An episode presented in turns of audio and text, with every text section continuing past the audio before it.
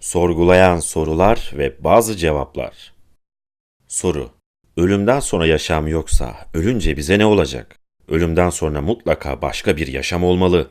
Eğer öbür dünya yoksa ölünce bize ve ruhumuza ne olacak? Öldükten sonra yok oluyor olamayız. Cevap: Bilim insanları beynimizin evrimi ve kültürel evrimimize dair bildiklerimize bakarak öteki dünya inancının ilk kez rüyalar şeklinde ortaya çıktığını tahmin ediyor. Birçok dinde öteki dünya kavramı ölümden sonra ruhun bedenden ayrılması ve başka bir dünyada, bedende yeniden hayat bulması şeklinde tanımlanmaktadır. Bu nedenle konuya iki farklı açıdan yaklaşılır. Birisi ölümden sonra bedenimize ne olacağı, diğeri de ruhumuza ne olacağıdır. Ama konuyu bilimsel anlamda ele alabilmek için her şeyden önce ölümün tanımını doğru yapmak gerekiyor. Ölüm, yaşayan bir organizmanın onu canlı tutan tüm biyolojik fonksiyonlarının durması anlamına gelir. Doğal koşullar altında ölümün gerçekleşmesinden kısa bir süre sonra bedenimiz çürümeye başlar ve kimyasal döngüye katılarak ekosistemin bir parçası haline gelir. Buna dini inancı olan kişiler bile genellikle karşı çıkmamaktadır. Ancak kabullenilmesi zor olan ve bu nedenle de öteki dünya inancını besleyen şey, tanımı kişiden kişiye ve inançtan inanca değişen ruh kavramıdır. Doğaüstü inançların çoğuna göre ruh ölümsüzdür. Ancak varlığı dahi kanıtlanamamış olan bir şeye ölümsüz demek açıkça mantık hatasıdır. Ayrıca belirttiğimiz gibi ruh kavramının tanımı da belirsizdir. Kimileri bunu bilinç, farkındalık, zeka, öz gibi kelimelerle tanımlamaya çalışır. Günümüzün bilimsel tanımına göre ise beyin dediğimiz organın duygular, hafıza, akıl yürütme ve karar verme gibi bazı fonksiyonlarına verdiğimiz ismidir. Düşünce dediğimiz kavram, beyindeki hücrelere ulaşan elektrokimyasal sinyallere verilen biyokimyasal tepkimelerin ürünüdür. Dolayısıyla vücudumuzu bir makine gibi düşünürsek, bu makine işlemez hale geldiğinde yani öldüğümüzde onun bir parçası olan beynin de fonksiyonları duracaktır. Artık hissetmeyecek, bilinçli olmayacak, hiçbir şeyin farkına varmayacaktır. Bu şekilde tanımlanan bir ruh kavramı için kolaylıkla şu cümleyi kurabiliriz. Öldüğümüzde ruhumuz da ölecektir. Ruh hipotezi nörobilim tarafından çürütülmüştür. Ruhumuzun yani bizi temsil eden aklımızın beyin olmadan var olamayacağı gösterilmiştir. Yaralanma, felç, bunama veya Alzheimer gibi sebeplerle beyin ölümü gerçekleştiği zaman aklımız da onunla birlikte ölür. Beyin işlemediği zaman geriye ne akıl kalır ne de ruh. Yani aslında bu şekilde tanımlanan bir ruh bedenden önce bile ölebilir. Kendi kendisini anlamaya çalışan ve bu yeteneğe sahip belki de tek canlı yapı olan beyni inceleyen bilişsel bilimler geliştikçe kuşkusuz beynimiz ve işleyişi hakkında daha da fazla bilgiye sahip olacak ve ruh kavramının çok daha farklı tanımlarını yapabileceğiz. Öteki dünya inancı ve bu inancı doğuran çeşitli arzu ve korkular, yok olma korkusu, yalnızlık korkusu, anlamsızlık korkusu ve ilahi adalet kavramıyla gelen adaletin yerini bulmasına duyulan arzu, sonsuza kadar yaşama, var olma arzusu gibi arzular sadece beden ve ruh ölümüne ilişkin cevaplarla tatmin edilemeyecek olsa da insanlara büyük ölçüde açıklama sunacaktır. Evrende deneyimlediğimiz her şeyin doğaüstü açıklamalara gerek duymadan bilimsel verilerle açıklanabildiği akılda tutulmalıdır. Örneğin ruh konusunda bilinen yanlış bir bilgiyi buna örnek olarak sunabiliriz. İnsanın ölüm anından saniyeler sonra birkaç gram zayıfladığı ve bu aradaki farkın ruhumuzun bedenden çıkmasıyla oluştuğu iddia edilmişti. Ancak insan ölürken vücudundan ilk olarak çıkan şey idrardır. Ölüm anını takiben idrar kesesi hızla boşalır. Bu gibi dışkılar vücuttan atıldığı için ölüm öncesi ve sonrasında ağırlığımızın değişmesi normaldir. Ruhla hiçbir alakası yoktur. Soru Bir saati yapan saatçi varsa, bir sanat eserini yaratan sanatçı varsa, insanı da halk eden bir tanrı mutlaka vardır. İnsanın sanatçısı da odur. O halde ilk sebep, her şeyin başlangıcı Tanrı'dır. Cevap Tanrı'nın nedenler zincirinin sonsuzluğu problemini çözdüğünü zannetmek çok yaygın bir yanılgıdır. İlk şey evrenin ortaya çıkışıysa, evrenin sebebi Tanrı'dır demenin nedenler zincirini bitirdiği zannedilir. Halbuki bu noktada peki Tanrı'nın sebebi nedir sorusu çok rahatlıkla sorulabilir. Bu soruya şartlanmış bir şekilde Tanrı'nın sebebi yoktur veya Tanrı kendi kendisinin sebebidir derler. Fakat bu bir açıklama değildir. Çünkü eğer bir şey sebepsiz olabiliyorsa ya da kendi kendisinin sebebi olabiliyorsa o zaman bu kişi evrene niye sebep aramaktadır? Belki de sebepsiz olan veya kendi kendisinin sebebi olan şey evrenin kendisidir. Eğer evrene bir sebep aranması gerekiyorsa, Tanrı'ya neden bir sebep aranması gerekmediğini açıklaması gerekir bu argümanı sunan kişinin. Aslında biraz objektif baksa, Tanrı açıklamasının evrendeki nedenler zinciri sorununa bir çözüm getirmediğini, yapay bir açıklama olduğunu ve aslında bir şey açıklamadığını görecektir. Bu argüman mantıksal olarak çelişkilidir ve felsefi tartışmalarda kullanılamaz. Fakat günlük hayatta karşılaştığınız ortalama bir inançlının en çok başvurduğu argümanlardan biridir. Soru Eğer insanlar şans eseri doğmuş olsaydı hayatın ne anlamı kalırdı? Hayatın hiçbir amacı veya hiçbir anlamı olmaz mıydı? Cevap Bu amaç herhangi bir yerden gelebilir. Aynı olgu farklı insanlar için farklı anlamlar ifade edebilir. Hatta aynı kişi için bile farklı zamanlarda farklı anlamlar içerebilir. Eğer siz kendi hayatınızla ilgili bir şeyler yapmak istiyorsanız, işte o zaman hayatınızın bir anlamı olur. Amaçlar kökenler ile belirlenmez. Kökeni tesadüfe dayanan şeylerin bile amacı olabilir. Örneğin kutup yıldızı bulunduğu konuma şans eseri gelmiştir. Fakat insanlar onun için yine de bazı amaçlar belirlemiştir. Yön bulmak için bu yıldızı kullanmak gibi. İnsanların oluşumunun şansa dayandığını, yaratılışçıların çoğu da dahil olmak üzere hemen hemen birçok insan kabul etmektedir. Cinsel rekombinasyon sürecinde ebeveynlerden hangi genlerin alınacağı da çoğunlukla şansa bağlıdır. Dolayısıyla bizi biz yapan, genlerin hangileri olacağını belirleyen de yine büyük oranda şanstır. Annede bulunan bir genetik hastalığın doğacak bebeğe geçmesi veya baskın olmayan bir genin üçüncü nesil yavruda ortaya çıkması gibi. Bu gerçek bizlerin hayatını anlamsız veya amaçsız kılmaz. Ayrıca evrim teorisi insanların sadece şansa bağlı olarak oluştuğunu söylemez. Soru: İlk hücreler nasıl tesadüfen bir araya gelmiş olabilir ki? İlk hücreler şans eseri bir araya gelemeyecek kadar karmaşıktır. Cevap: Biyokimya şans işi değildir. Şans ve zorunluluğun birlikteliğidir. Bunun sonucunda da kaçınılmaz biçimde karmaşık yapılar oluşur. Amino asitler ve diğer karmaşık moleküllerin uzayda bile oluştukları bilinmektedir. Moleküller kuantum yasalarına bağlı olmakla olasılıkçı davranırlar. Ama bir yandan da fizik yasalarının zorunluluğundan kaçamazlar. Dolayısıyla dünyada yaşamın başlaması zaten kaçınılmazdı. Fakat ne zaman ve nasıl başlayacağı konusunda şans faktörü devreye girmiştir. Bu oluşumun nasıl bir zorunluluk olduğunu ağaç yaprağı örneğiyle belirtebiliriz. Dalından kopan bir yaprağın yol üzerinde yürürken bizim üzerimize düşmesi çok düşük, hatta milyonda bir ihtimaldir.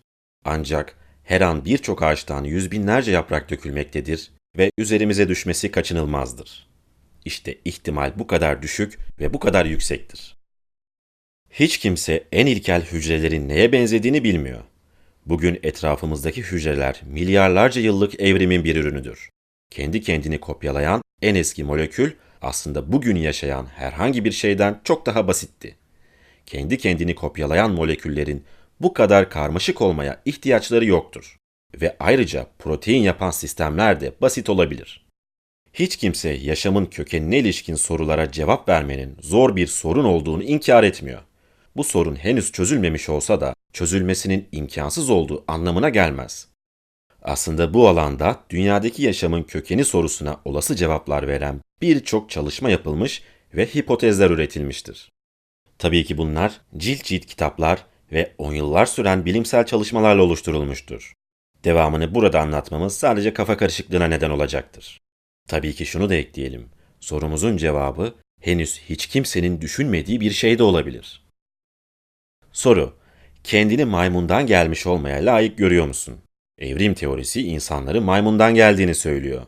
Gerçekten de maymundan gelmiş olmayı kabul edebiliyor musun? Cevap: Öncelikle şu bilgiyi hatırlatmakta fayda var. İnsan maymundan gelmemektedir. Evrimsel süreç bağlamında maymunlarla da, tavşanlarla da, muz bitkisiyle de akrabayız.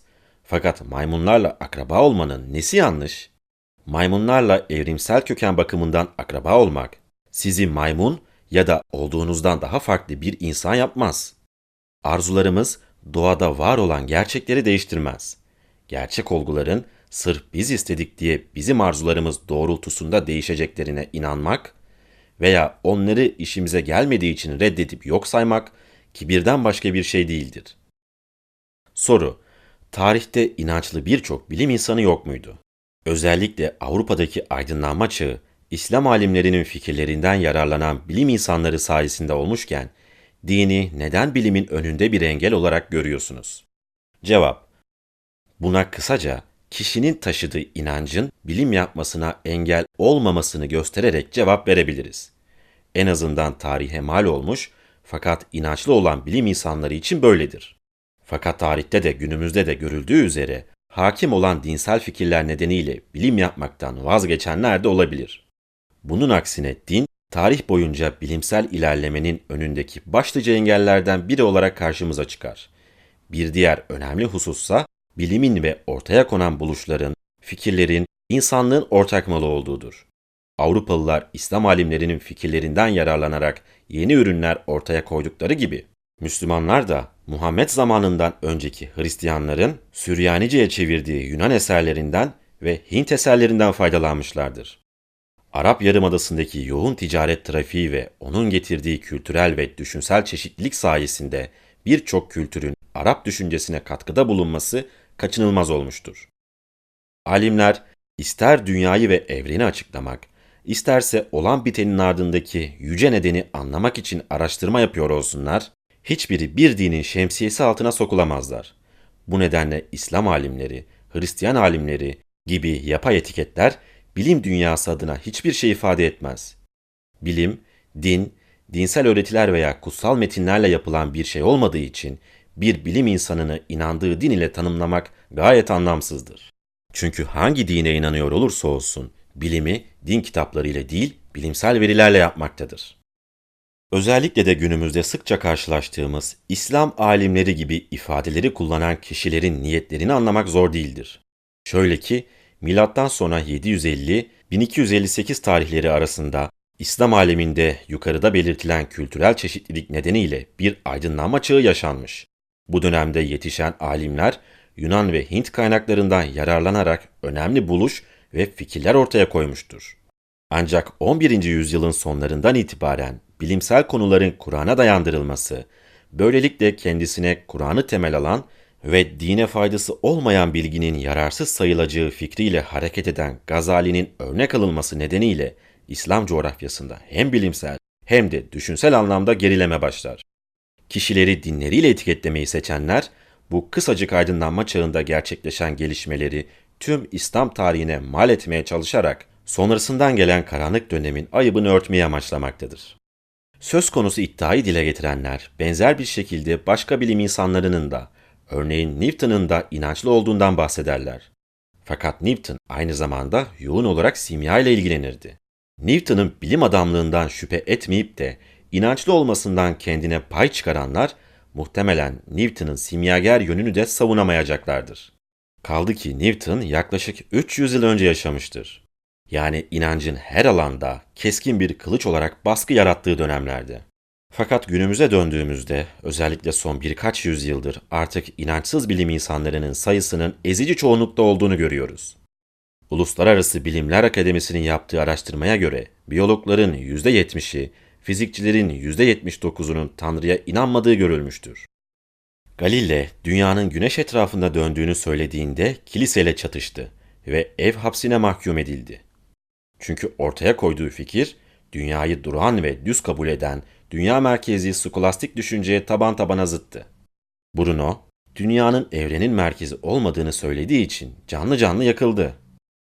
30 yıllık araştırmaları sonrası Charles Darwin çalışmalarının toplamı olan eseri türlerin kökenini basmayı uzun süre ertelemiştir. Nedeni ise fikirlerinin dönemin hakim olan inançlarıyla çatıştığının farkında olmasıydı. İnsanın ortak atadan evrildiği gerçeği, insanı yaratılmışların mükemmeli mertebesinden hayvanlar alemine indiriyordu. Tıpkı günümüz İslam dünyasında olduğu gibi Darwin de kitabını yayınladıktan sonra ne yazık ki birçok saldırıya uğramış ve atası maymun şeklinde dalga geçilmiştir. Soru Bilim insanlarının amacı Tanrı'yı gereksiz kılmak mıdır? Evrimciler ve kozmologlar başta olmak üzere birçok bilim insanının amacı Tanrı'yı açıklamanın dışında bırakarak evreni açıklamak mıdır? Tanrı'yı gereksiz hale mi getirmek istiyorlar?